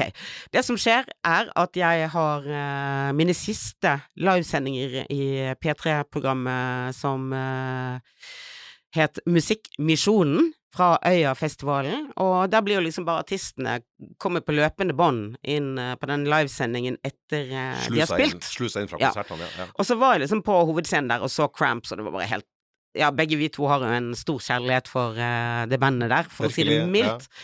Og Poison Ivy har jo også vært et stort forbilde for meg som, uh, som kvinne, som viser at eh, du trenger ikke å slutte med rock'n'roll når du er 25. Jeg er verdens eh, kuleste kvinnelige artister. Jeg syns det gikk veldig bra. Jeg syns det var et eh, gøy intervju, samtidig som det var helt utrolig stort å få, få intervjue selveste The Cramps. Ja, intervjuet er kjempefint òg, det må bare si det. Det er kjempefint. Jeg møtte Jeg, var, jeg fikk heldigvis møte Cramps sjøl, og de, de var jævla hyggelige folk. Sånn snille, fine, Veldig, veldig kule folk. hyggelige, høflige folk. Så tenkte jeg ikke så mye over det før min uh, produsent Christian Finnskog kommer bort og viser meg et bilde som han har tatt. Svensken. Svensken. Fordi uh, Lux Interior har da brukt en knust flaske, eller hva det var, til å slice opp denne buksen sin litt uh, under Latex, konserten. eh, ja. Lateks. eh, eh, så han sitter jo rett og slett med pikken ute. Ja. og dette er jo eh, dokumentert, da. Ja, og derfor er det startet med det intervjuet, for at det blir posta, det blir posta på de her eh, forumene på Facebook, og så ligger det her sånn, så blir det borte. For, Ja. Nettopp for at du ser pikken til Luxon Terrier. Ja. Og han Det er veldig mange Cramps-konserter som ikke eh, fortsatt ikke vises på YouTube av, av, av den grunn. Og hvis jeg kunne gå tilbake i tid, så ville så Et av øyeblikkene er å kunne lese det brevet sendte til Cheek, men Ja. eh, en annen ting er å kunne liksom stå og se det intervjuet, for det var ganske mange som sto og så på. Ja, for det sto en sånn ring rundt, eh, Ja, ja, ring ja. rundt, rundt deg som intervjua. Jeg husker jo det. Eh, eh, og der på en måte eh, jeg, jeg kan ikke si elefanten i rommet, snabelen i rommet, Ja. er veldig, er veldig Ja, åpenbar, da. prominente ser jo det. Eh, og med jevne mellomrom så er det noen som sender med det bildet. Det er det, ja. Husker du det? Ja, jeg husker det. Nydelig. Har du, eh, har du opplevd noen som har eh, For det kan ikke ha vært bare eh, kult, det må jo ha vært noen som har vært noe skikkelig rasshøl. Har, du- har du møtt noen artister som har intervjuet og tenkt bare fy faen, du er bare ikke noe kul? Ja, eh, det har jeg gjort, selvfølgelig. Er det noen som har særlig utmerka seg, da? Jeg kan heller si at det, lært, det lærte meg veldig mye som uh, journalist, fordi at det var en veldig dyktig fransk journalist, tror jeg det var en gang, som uh, intervjuet uh, Lou Reed, som jeg aldri har takket ja til intervjuet, selv jeg har tilbud. Fordi jeg visste at han var berømt for å, å behandle journalister som dritt. Ja, kjent for å være verdens verste menneske med journalister. Men jeg husker at jeg strevde med gjennom eh, en god del intervjuer med artister som gjør seg vanskelig, så tenker du bare at det er min jobb å gjøre dette bra. Eh, Mm. men hvis man kommer altså sinnssykt godt forberedt, hva faen skal du gjøre? Men jeg husker jeg leste en artikkel om at hun rett og slett bare hadde gått, da. Eh, vet du hva, det her gidder jeg ikke, Lou Reed. Å ja. Bye bye. Så da lærte jeg meg det trikset. Jeg tenkte, jeg trenger jo ikke å gjennomføre et intervju hvis de er Nei, Full av hvis, dritt. hvis de er dri- drittsekker, så kan du faktisk Du kan òg røyse deg opp og gå. Og det eksempelet som, eh, som jeg pleier å trekke frem, eh, det er ikke så ofte jeg har blitt spurt om dette her, men jeg trekker det i hvert fall frem i hodet mitt, det var han eh, Gavin Rossdale, som var engelsk, sang i et band som het Bush. Å ja! Han- Et helt jævlig band! Ja, ja, ja. De var så dritjævlig dritjævlige. Jeg, jeg tror de var bare store i USA òg. De, var liksom, de slo i hvert fall aldri unna i Europa Ja, også, på den Han var jo gift med Gwen Stefani, Ja, og derfor ble de store i, no USA. Doubt, ja. ja. Stemmer det. De var Så, så ikke nok med dette her. Jeg er såkalt utskremt journalist, jeg har null interesse av Bush, men uh, jeg skal gjøre det.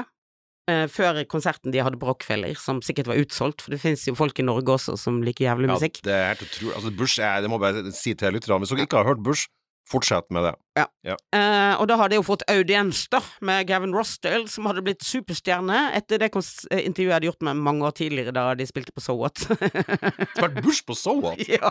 Og det er jævlig artig! Kreddeplassen. Claes Olsen booka Bush. Som vanlig stilte jeg, fordi jeg mener man eh, Skal man intervjue noen, så må man respektere artisten nok til å sette seg grundig inn i dette materialet. Så det hadde jeg gjort.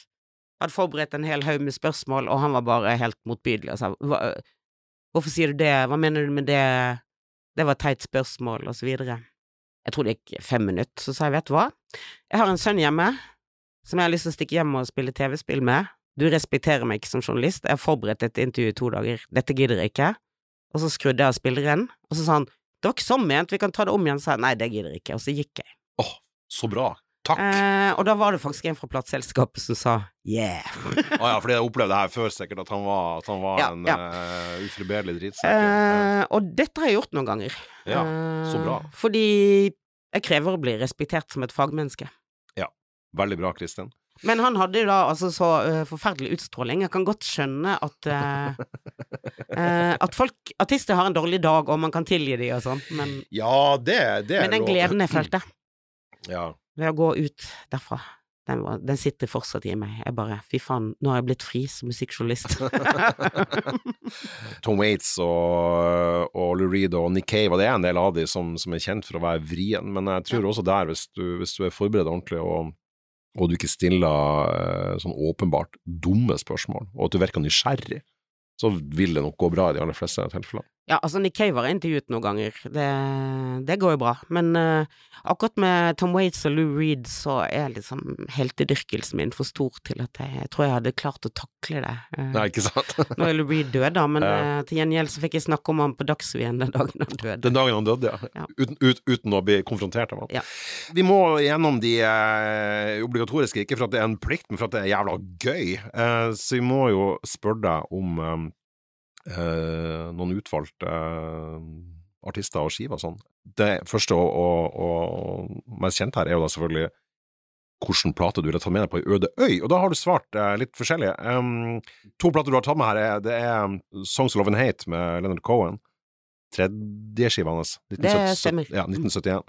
Hva er grunnen til at du plukka ut akkurat den fra, av akkurat han? Først og fremst fordi den inneholder Famous Blue Raincoat. Ja, fy faen, den låten! Jeg kunne egentlig tatt med bare den låten på en øde øy. Det er jo en sånn her Det er jo sånn her breakup-låt Ja, ja, ja. som er helt Den, den slutta jo med jo Den slutta jo med Sincerely L. Cohen. Altså, så det er et brev, og den er så mørk, og er en av hans aller, aller fineste låter.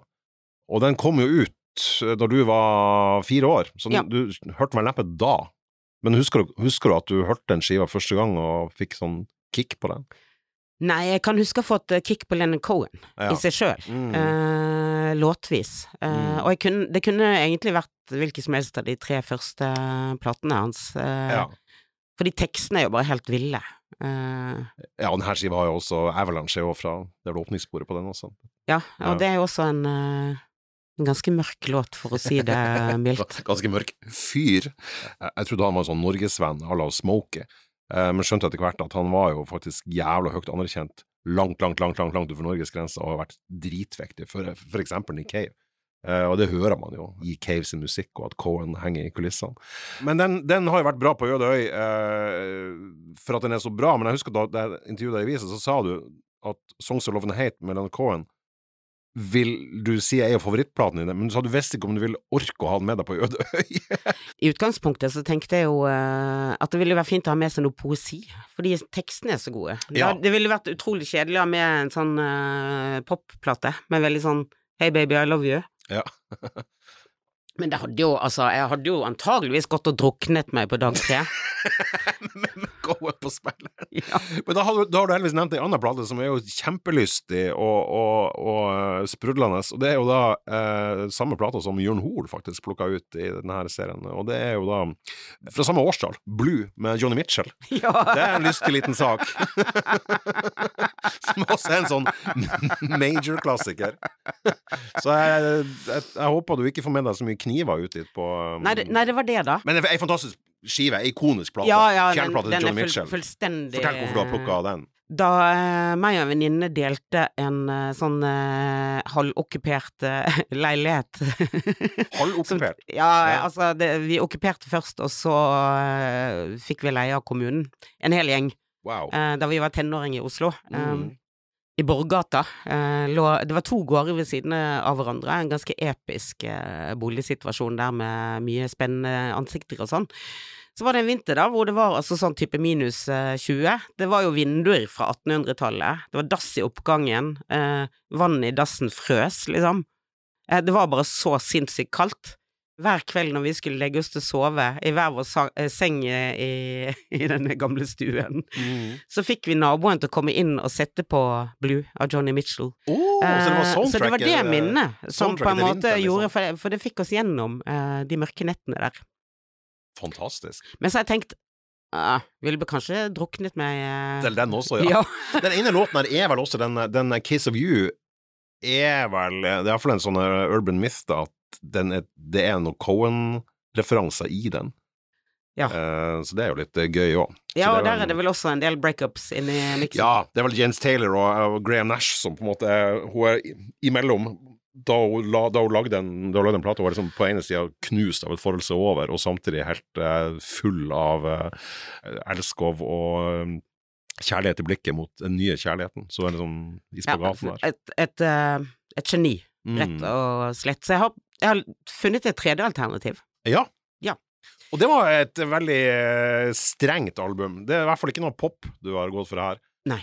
John Coltrane sin Giant Steps. Um, det skiva jeg ikke har noe forhold til sjøl, så det, det, var, det var noe jævla smalt og strengt. Uh, 1960 kom den ut, sjekka jeg, og så så, så at den tittelsporet på den det er faen meg strømma 25 millioner ganger. Det er dæven søkki! han er altså så svær ennå, John Coltrane.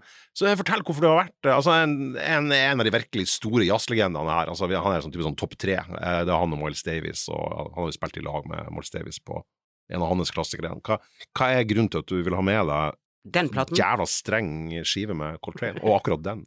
Det er flere grunner til det. Jeg har et Mm. veldig godt minne om uh, første gangen jeg hørte platen. Uh, jeg hørte den hjemme hos en kompis i Bergen som uh, heter Thomas, og som var saksofonist. Og da var vi sammen med tidligere nevnte Lone, hun uh, barndomsvenninnen min, som da hadde blitt kjæreste med Thomas. Og han som var min daværende kjæreste. Og så ble det laget pannekaker, og så ble den platen satt på. Det var som å høre første gangen jeg hørte Black Sabbath. Bare, dette her er jo helt magisk. Ja, for jeg, jeg, jeg hørte jo selvfølgelig på plata eh, siden jeg skulle møte. Jeg har også gjort min research, så ikke du skulle røyste opp og gå for at du syns jeg ikke har gjort jobben min. Eh, og det er, jo, eh, det er jo jævla eh, strengt. John Coltrane er, er strengt. For jeg husker jeg, jeg, jeg tvang meg sjøl gjennom den eh, I Love Supreme-plata, og så hørte masse på det for at det var Eller masse, skal jeg ikke skryte, men jeg, jeg, jeg ga det mange sjanser, for at det, jeg fikk vite at det var noen sånn Stooges-referanser i det, med Funhouse-plata. Og jeg har tidligere beskrevet det som en sånn, eh, som en sånn eh, opplevelse av at hvis det her var mat, så hadde det på en måte vært rakfisk. Eh, sånn veldig, veldig raka eh, fisk. Eh, og med en streng, streng, streng sterk, Gjerne med en akevitt til, eller? Ja, eller en streng maltwhisky. Altså sånn single malt. det er deilig, vet du. Ja, nettopp. Jeg føler liksom at John Coltrane er, er noe som krever noe av deg. Men du forteller at du fikk kick med en gang. Ja. Det er helt fantastisk eh, fascinerende for meg å høre. Vi hørte den, men det må jo sies at jeg allerede da hadde oppdaget Can og Noia og masse rart, så jeg var jo som sagt veldig, veldig altetende. Og jeg har aldri vært kresen i matveien, så jeg har alltid spist det jeg har fått. Ja, men det var ikke noe i de pannekakene som Nei, det var det faktisk ikke. Kanskje for han saksofonisten, men eh, Men nei. Nei. nei. Ikke for min del. Men, eh, men, Men det eh, som skjedde i ja. mange, mange år etter det, for det som er fort å glemme nå i disse strømmetider, er jo at sånne plater gikk jo ut av produksjon. Jeg sånn, jeg var på en mission i 20 år etter det, tror jeg. for, for, for, for, å få tak i den? Ja, på vinyl. Tenk på det. Eller CD, eller hva som helst. Eh, og så hadde jeg bare de sterke minnene Uh, Smaken platen. av pannekake og, og, og Nei, den, den der eh, magiske følelsen Ja, ja, eh, skjønner av hele albumet i sin helhet. Eh, men nå har den jo vært på, på Spotify og Tidal og hva de nå heter i noen år, og ble vel innlemmet i den der National Congress et eller annet platesamlingen i 2004 og sånn. Så nå har jeg jo kunnet gå tilbake til den, men min arbeidshverdag handler 100% om å finne ny musikk. Ja. Mm. Så jeg føler jo ofte at når jeg kommer hjem, så har jeg i hvert fall ikke lyst til å sette på mer musikk, for da har jeg hørt på musikk uh, i ja, åtte timer allerede. Mm. Så jeg tenker, jeg har faktisk lyst til å dra på en slags øde øy. Ja, å få tid til uh, ja. ja. nettopp. Ja, for det, for det, det jeg merker veldig på meg sjøl uh, når, når, jeg skriver om andre ting enn musikk, da, så jeg, klarer jeg heldigvis å høre på musikk og skrive samtidig. ellers hadde jeg dødd i det åpne landskapet jeg sitter i. Men da må jeg høre på uh, musikk jeg kjenner til. Det kan ikke være ny musikk. For da, liksom går, da, da slår jeg på en sånn jobbryter. Jeg skjønner akkurat hva du mener, ja. Så, så, så, det er veldig fint å ha noen sånne gamle klassikere man kan bare sette på som man kjenner så godt at mm. den bare på en måte durer på, og så, så slipper du å tenke proft på noe vis. da. At du bare kan konsumere og nyte det. Eh, og det her er kanskje ei sånn plate for deg, at når du setter på den, så bare jobber den for seg sjøl. Ja, og så er det noe med at den Da kan tankene flyter helt fritt, eh, uhindret av tekst og teksttolkning. Mm. Eh, så jeg ønsker meg jo egentlig en sånn digital ødeøy, og da mener jeg ikke-digital ødeøy. Ja. For i mange år nå så har jeg har drevet feriert en gang i året i en sånn jungellandsby i Costa Rica. Ja. eh, og de første årene så var det jo måtte, var det kanskje to-tre steder som hadde internett. det er ikke noe TV å se på. Det er på hytta til Thomas Seltzer? Uh, ja, samme sted. Ja, ja, samme sted. Ja, mm. uh, og jeg har fortsatt å dra dit, så nå har de jo fått mm. mye bedre nettdekning og den slags. Men uh, du må bruke veldig mange timer av døgnet uten mobilen, som en sånn krykke. og mye av den tiden blir kanskje bare brukt på stranden til å ligge og se på skyene. Og jeg føler meg alltid så utrolig mye mer inspirert når jeg har vært der og ja. ikke driver og følger med på hva folk gjør på Instagram og uh, sosiale medier, og hva som egentlig skjer i andedammen Norge til enhver tid, og alt det der. Så jeg tenkte hvis jeg tar med meg uh, Giant Steps på en øde øy, og lar tankene flyte fritt, så kunne jeg kanskje begynne å jobbe med en annen ambisjon mine som jeg har med meg fra barndommen, nemlig å skrive. Ja, Kan du skrive en roman du tenkte å skrive når du var fire? Ja. Ja, ja men helt uh, Ja, jeg, jeg flirer ikke for at jeg, for at jeg syntes det var latterlig. Jeg flirer jeg syntes det var veldig søtt. Jeg, det var, det jeg skal ikke fin... skrive den som en fireåring, da.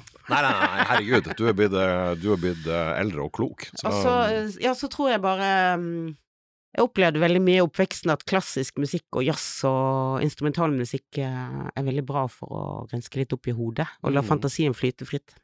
Men jeg synes det er jævlig artig det du sier med at du gikk i nesten 20 år før du fikk høre dem på nytt, da. Jeg snakka i forrige uke med en, um, en amerikansk uh, musiker som heter Chuck Prophet, spilte i Green on Red, blant annet.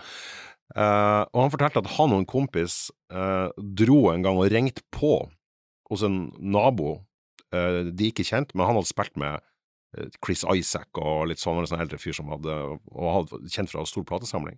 Det var han og Mark Olson, som frontfigur wow, i Jayhawks. Wow. så de gikk og banka på hos han og sa at og Da var de sånn, i slutten av tenårene og sa det at uh, de hadde så lyst til å høre Flying Burrito Brothers, bandet til Gram Parsons. De hadde bare hørt om det, og lest om det, men de hadde aldri hørt det. For de fikk faen ikke tak i platen. Nei, sånn var det jo. Ja, Så han fyren her som da overhodet ikke kjente de ungguttene, tok dem inn i stua og spilte Flying Burrito Brothers til dem. Og det var sånn han fikk høre det. Oh, så, så det, var liksom, det, det, var liksom, min Spotify, på en måte, da, sa ja. han. Ja, det er jo jævla praktisk nå, selvfølgelig, at man kan bare få hørt ting med en gang, men han sa den der, den der eh, følelsen av å ha gått inn i ei gullgruve og komme ut med en sekk full av det, var helt sånn Den vil han aldri få, få igjen, da.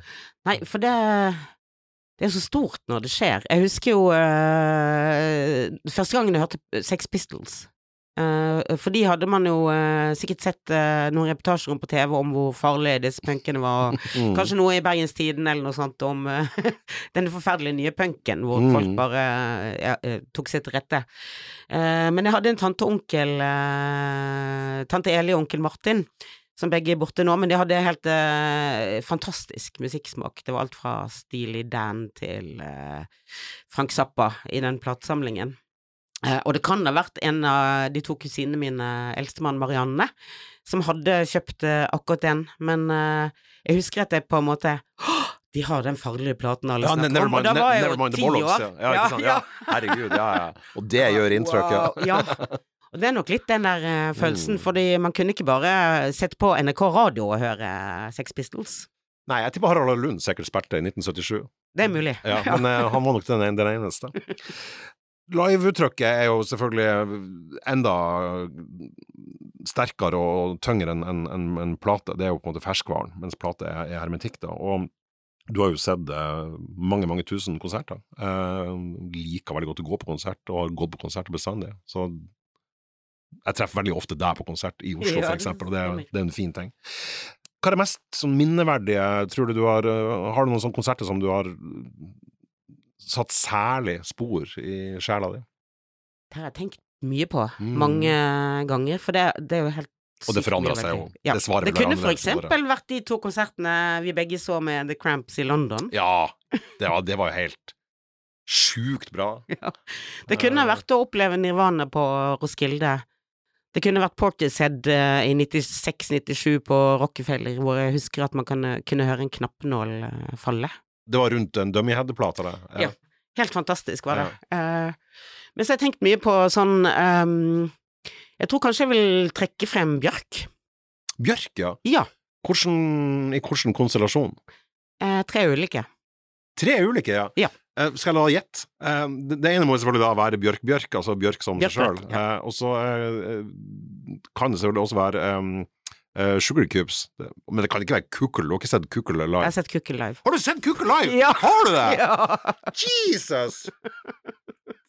uh, jeg må informere litt her. Altså, Kukkel er altså da forløperen til uh, Sugar Cubes. Jeg husker jeg hadde platesjappe da, og da hadde jeg et sånn eget sånn, sånn skjelt med, med Bjørk, der jeg hadde alle soloplatene hennes, og så hadde jeg de tre Sugar Cubes-platene, og så hadde jeg Kukkel, som jeg hadde importert da, fra Island.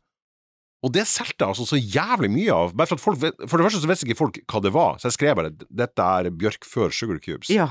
Eh, og for det andre så var det en sånn her De hadde ikke sett de platen, og, så det, var, det, det solgte på en måte av seg sjøl. Og det har faen meg du sett live! Ja. Hva tid gjorde det? På 80-tallet tidlig, da? På 80-tallet på Roskildefestivalen, og der var vi en uh, vennegjeng som var helt eh, ute av kontroll, for nå hadde vi flyttet hjemmefra, vi var tenåringer, og vi bare gjorde alt det foreldrene våre ikke hadde bedt oss om å ikke gjøre, og vi var på en svær dansk festival. Jeg tror, tror The Clash spilte det året òg.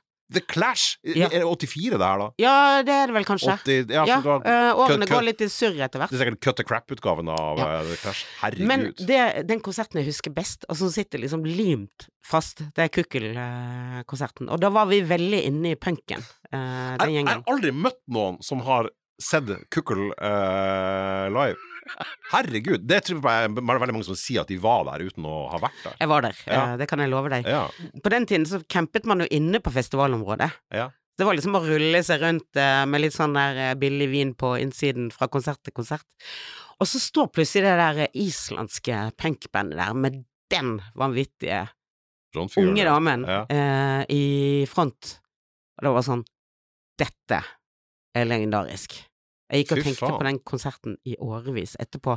Og for noen år siden, ikke så veldig mange år siden, så satt jeg i et sånn um, uh, Det var noen musikkbransjegreier i Oslo, og så satt jeg med et av medlemmene fra Kukkel uh, i et panel.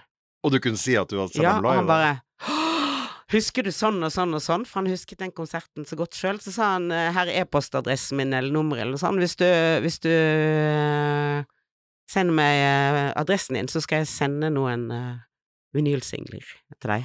Å, herregud, sjutommere med kukkel! De Jeg har jo ikke skrevet han. jeg kom på det nå. det må du jo gjøre. Det er jo sjeldnere enn hønsetenner. det, er jo, det. er jo som alle platesamlere vil jo ha det. Ja.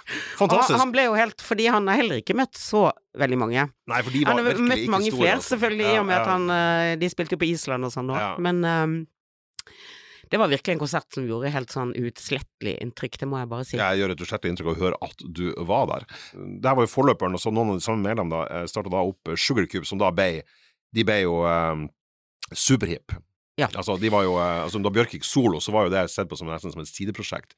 Sugarcubes var liksom et av de hotteste Det det eh, indie-bandene som fra den tida hvor indie var et eh, begrep som ga mening, da. Eh, og du så dem da, må vel sikkert ha vært på slutten av 80-tallet, vil jeg tro. Ja, 1989. Juni 89, 1989, ja, tror jeg, ja, på? Rockefeller. Ja, nettopp. Uh, og det som hadde skjedd i mellomtiden i mitt liv, var jo blant annet at jeg hadde fått en sønn. Mm. Jeg var kjempeung, altfor ung egentlig. Uh, var alenemor. Uh, hørte fortsatt på like mye musikk. Jeg hadde vært og kjøpt det første Sugar Cube-albumet, kom jo først på islandsk. Ja, stemmer. Det tror jeg fortsatt ja. jeg har. Ja. Og så eh, kom det meg for øre at Bjørk, eh, som på det tidspunktet var vel var hun 21 eller noe sånt på den konserten, Hun var ung, hun sto der, hun eide verden, hun var like amazing som hun hadde vært i Kukkel. Eh, og jeg visste at hun også var enslig mor. Ikke sant? Og den konserten var helt fantastisk, musikalsk og på alle mulige måter, og Bjørk er jo en helt ja, det finnes jo nesten ingen andre frontfigurer som uh, kan måle seg, uh, fordi hun har både denne guddommelige stemmen og sånn denne ufattelige rarheten. ja, jeg sliter jo med når hun står med sånn her Jeg så på Øyafestivalen med en sånn her støvsuger på hodet, og jeg skjønte ingenting av det. altså, jeg, du er kanskje mer Iggy Pop, jeg liker ja, begge to. Ja, jeg, jeg, var, jeg, var, jeg, bare følte meg veldig sånn uh, Det var et sånn utenforskap jeg kjente veldig på da, som, som, som, jeg ikke skal, ikke skal gå inn på her, for det er ikke meg det handler om. Men, men det er ikke noe vanskelig å forstå at Bjørk har masse masse, masse særpreg og masse masse integritet, og, mm. og, og så er det selvfølgelig opp til enhver å like det eller ikke. Ja. Men du har da også sett henne solo live òg. Flere ganger, vil jeg tro. da. Ja da, og den konserten jeg hadde tenkt å nevne, var vel på Rockefeller, jeg tror det var 96. Og da fikk jeg den der eh, følelsen igjen av at eh, kvinner kan få det til på en sånn jævlig fet måte i musikkbransjen. Hun kunne først være en ellevill punker eh, med kukkel, og så kunne hun være indie-dronning, og så kunne hun bare være verdensstjerne og diva, ja, ja. samtidig som hun mm. var helt sjukt smal. Mm. Og det er bare noe så spennende også med artister og mennesker, syns jeg, som ikke låser seg fast i en sjanger, i Absolutt. en epoke, mm. i ett hakk. Mm. Så jeg tror eh, det å se henne live på, på, ulike punkter av karrieren hennes har på en måte vært noe som ligger litt i bakhodet mitt, da. Ja, det ble jo jævla mange lag her også, selvfølgelig. For det første så er, var du med helt fra begynnelsen, og så har dere jo litt sånn eh, Jeg skal ikke si felles skjebne, felles trøst, for det høres så mørkt ut, det var ikke det jeg mente, men det, at det ligger et slags udefinert fellesskap der, da, med, med den unge alderen og uh, alenemor, og så det, sånn, at det ble en sånn kul uh, parallell her, da. Ja, for jeg hadde jo ikke noe, aldri hatt noen ambisjon om å bli rockestjerne, men det var kanskje ikke så supervanlig å være enslig mor som uh, elsket å gå på rockekonserter og hadde den type ja, livsstil som jeg hadde på slutten av 80-tallet, som det kanskje er nå. Ja. Det var noe med å ha forbilder også som mor, da. Mm. at man ikke trenger å flytte på landet og kjøpe stasjonsvogn og alt det der. Mm. Eh, det går, det går opp, an å oppdra barn i et eh, helt annet univers eh, også. Eh, konserter kan jo også være sånn at man tenker 'hvorfor i helvete gjorde jeg det her', eller 'det her var jo ikke noe kult', eller, eller 'jeg burde gjort noe, noe annet'. Eh, har du noen sånne eh, kjipe konsertopplevelser du vil trekke frem? Altså, det jeg må innom, det er jo selvfølgelig Pearl Jam-konserten på Roskilde. Ja, i 2000, ja. Jeg, jeg var også der. Eh, det var jo helt uvirkelig. Hva det var, åtte eller ni, ni stykker som døde. Eh, ungdommer. To 17-åringer, Else var 26, eller noe sånt. Helt, helt sånn bunnløst tragisk. Eh, Seint på fredagskvelden, husker jeg. De headlinet jo på den oransje scenen, og de konsertene varer gjerne eh, noen timer. Ja. Jeg var jo også på Roskilde en god del tidligere, tidlig på 80-tallet, hvor man campet inn på området og sånn. Mm. Uh, så alltid vært uh, veldig vant til Roskilde som en sånn uh, festival hvor alle tar vare på hverandre klemmer hverandre, og, og faller du ned i grøften, så drar noen deg opp, og det er alltid Det er sånn fri, sånne, frihetsfestival? Ja, virkelig en frihetsfestival. Mm. Uh, og det jeg merket meg foran den uh, idet konserten med Pearl Jam skulle starte, var at det var så mye sånn folk var litt sånn aggressive og knuffet, og alle skulle helt frem. Det var på en måte ikke den gode, vanlige, vennlige stemningen som jeg var vant til. Nei. Så jeg tenkte sånn, det her var utrolig stress. Så gikk og så noen låter med et annet band, bare for, for, at det skulle roe seg litt der. Ja. For det var så sykt kok foran scenen. Kom tilbake, og det var fortsatt litt sånn der eh, Det føltes bare ikke sånn som det pleide å gjøre. Nei. Og så plutselig så skjønner man at noe er i ferd med å skje. Man ser at eh, Eddie Vedder prøver å formidle et eller annet fra scenen. Ja. Og så står bare folk og roper etter uh, The Cure som skal komme etterpå. Altså, når, uh, de skjønner ikke at De stopper jo selvfølgelig å spille idet han skjønner, eller bandet skjønner, at her skjer det noe virkelig drøyt. Ja, for de, de, altså bandet sto jo faktisk og så at folk ble, ble drept rett fremfor dem. Uh, og de ble drept av kvelning, alle sammen. Det var så Jeg så jo at Eddie Vedder på storskjermen, altså, så jo at han grein, liksom. Ja. Uh, samtidig som du har da Jeg vet ikke hvor mange Er det 8000 i plass til 60-50? Ja, jeg tror det var Jeg har lest de rapportene og sånn, for det var Jeg tror det Roskilde på rundt 2000, da var det rundt 90 000 publikummere inne på området, så jeg tror det var anslagsvis 50-60 ja. som, som, var på den konserten. Men veldig mange av de har jo da uh, stått og gått hele dagen med en pils eller eh, en gammeldansk, eller hva det nå skulle Mm. være, hele dagen, eller inntatt helt andre stoffer. Så eh, enormt mange skjønte ikke hva som foregikk, så de bare sto ropte, buet liksom, og ville ha The Cure på scenen, som skulle på etterpå. Ja, fy faen. Eh, og så skjønner man, det begynner å komme blålys og ambulanser, det var helt surrealistisk. Ja, det var veldig, veldig, veldig, mørkt, og en utrolig Vond opplevelse. Ja, veldig eh, Jeg husker jeg gikk gjennom uh, hele publikum på vei til en annen konsert og bare skjønte at noe var fundamentalt gærent. da. Det her var i 2000, så jeg husker jeg var i 1998, så var jeg på, på Beastie Boys på den samme scenen. Eh, og de to siste låtene de spilte, var liksom Root Down og Sabotage. Og da husker jeg at jeg var, at jeg var redd for sikkerheten min. Og jeg er en stor mann, liksom, men jeg, da husker jeg bare trakk meg tilbake, for jeg tenkte det her er faen ikke trygt, tenkte jeg. Mens, i, mens i, i 2000 så var det i tillegg til at det var mye folk, så var det også Det hadde regna mye, så det var sleipt underlag, og Mm. folk datt. Og så var trengselen så stor at de ikke kom seg opp igjen. Og så ble de kvalt da, av, av eh, mangelen på oksygen, rett og slett, inne i de folkemengdene. For meg ødela det egentlig Roskilde. Jeg, jeg, jeg dro tilbake året etterpå bare for å liksom, eh, at ikke det der skulle være det siste Roskilde-festivalen, men, Mm. jeg syns hele den der festivalkonsertgreia fikk seg et sånt skudd for baugen, i hvert fall for meg etter det. Ja, og før det så hadde jeg alltid følt meg trygg. Jeg var til Ja. med eh, helt foran scenen eh, da Nirvana spilte. Altså, jeg hadde, jeg hadde, hadde, aldri, ja, jeg hadde Ja. aldri vurdert at Det var farlig, nei. Nei, at det kunne være farlig å være på konsert. Og så tror jeg det, eh, som du sier, Roskilde hadde utvidet kapasiteten, og det var kanskje derfor stemningen var så Ja. intens, for det var for lite plass til så mye folk.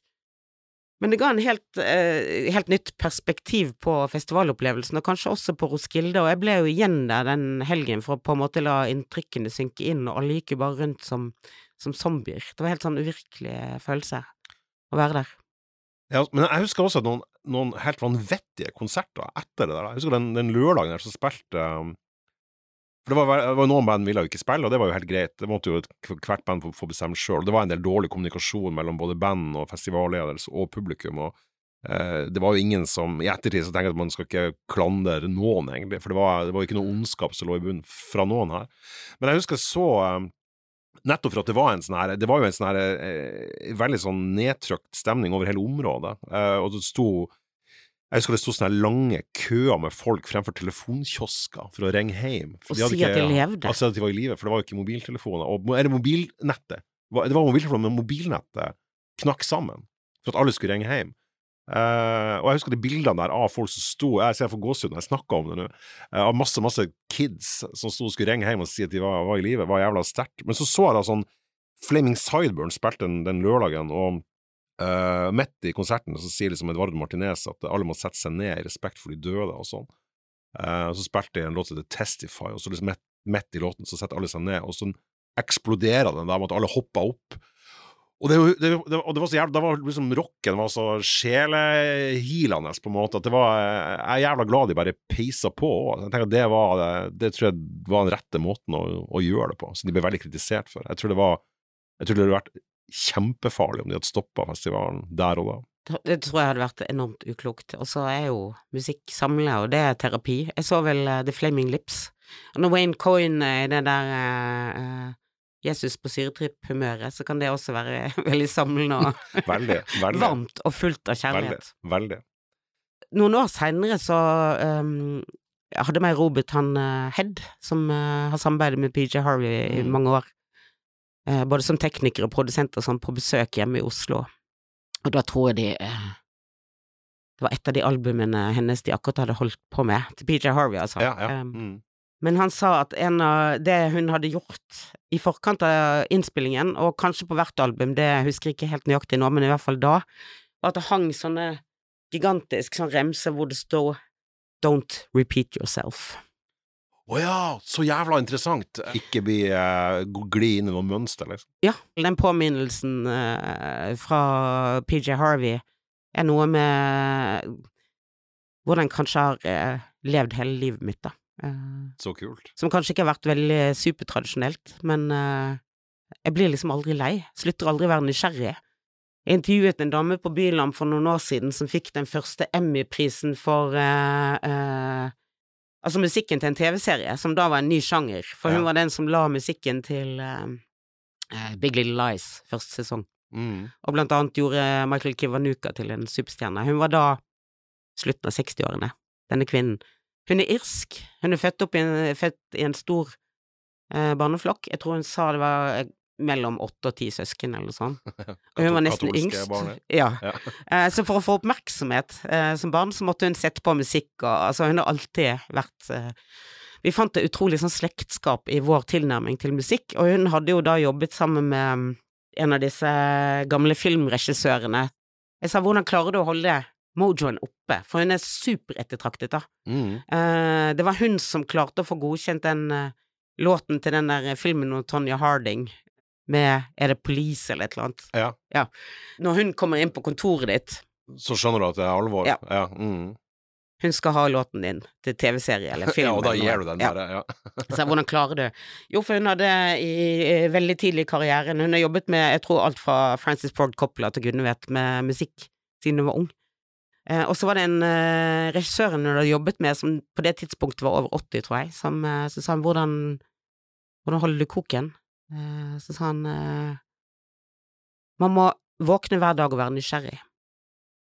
Det er jo veldig deg òg, tenker jeg. Eh, og jeg syns egentlig det er en jævla fin måte å slutte denne utrolig hyggelige og ditto interessante samtalen. Det har Vært fantastisk fint å ha deg som gjest her, Kristin. Eh, Utrolig trivelig å være her. Så bra. Og du må bare peise på videre. Fortsette å være nysgjerrig og fortsette å dykke ned i musikken. Ingenting som tyder på at eh, den nysgjerrigheten har tenkt å stoppe, i hvert fall.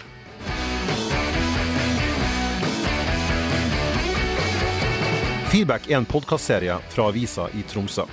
Produsenten for sendinga var han Svein Lian, og jeg heter Egon Holstad. Husk også at vi lager spilleliste der all musikken som nevnes i sendingene legges til.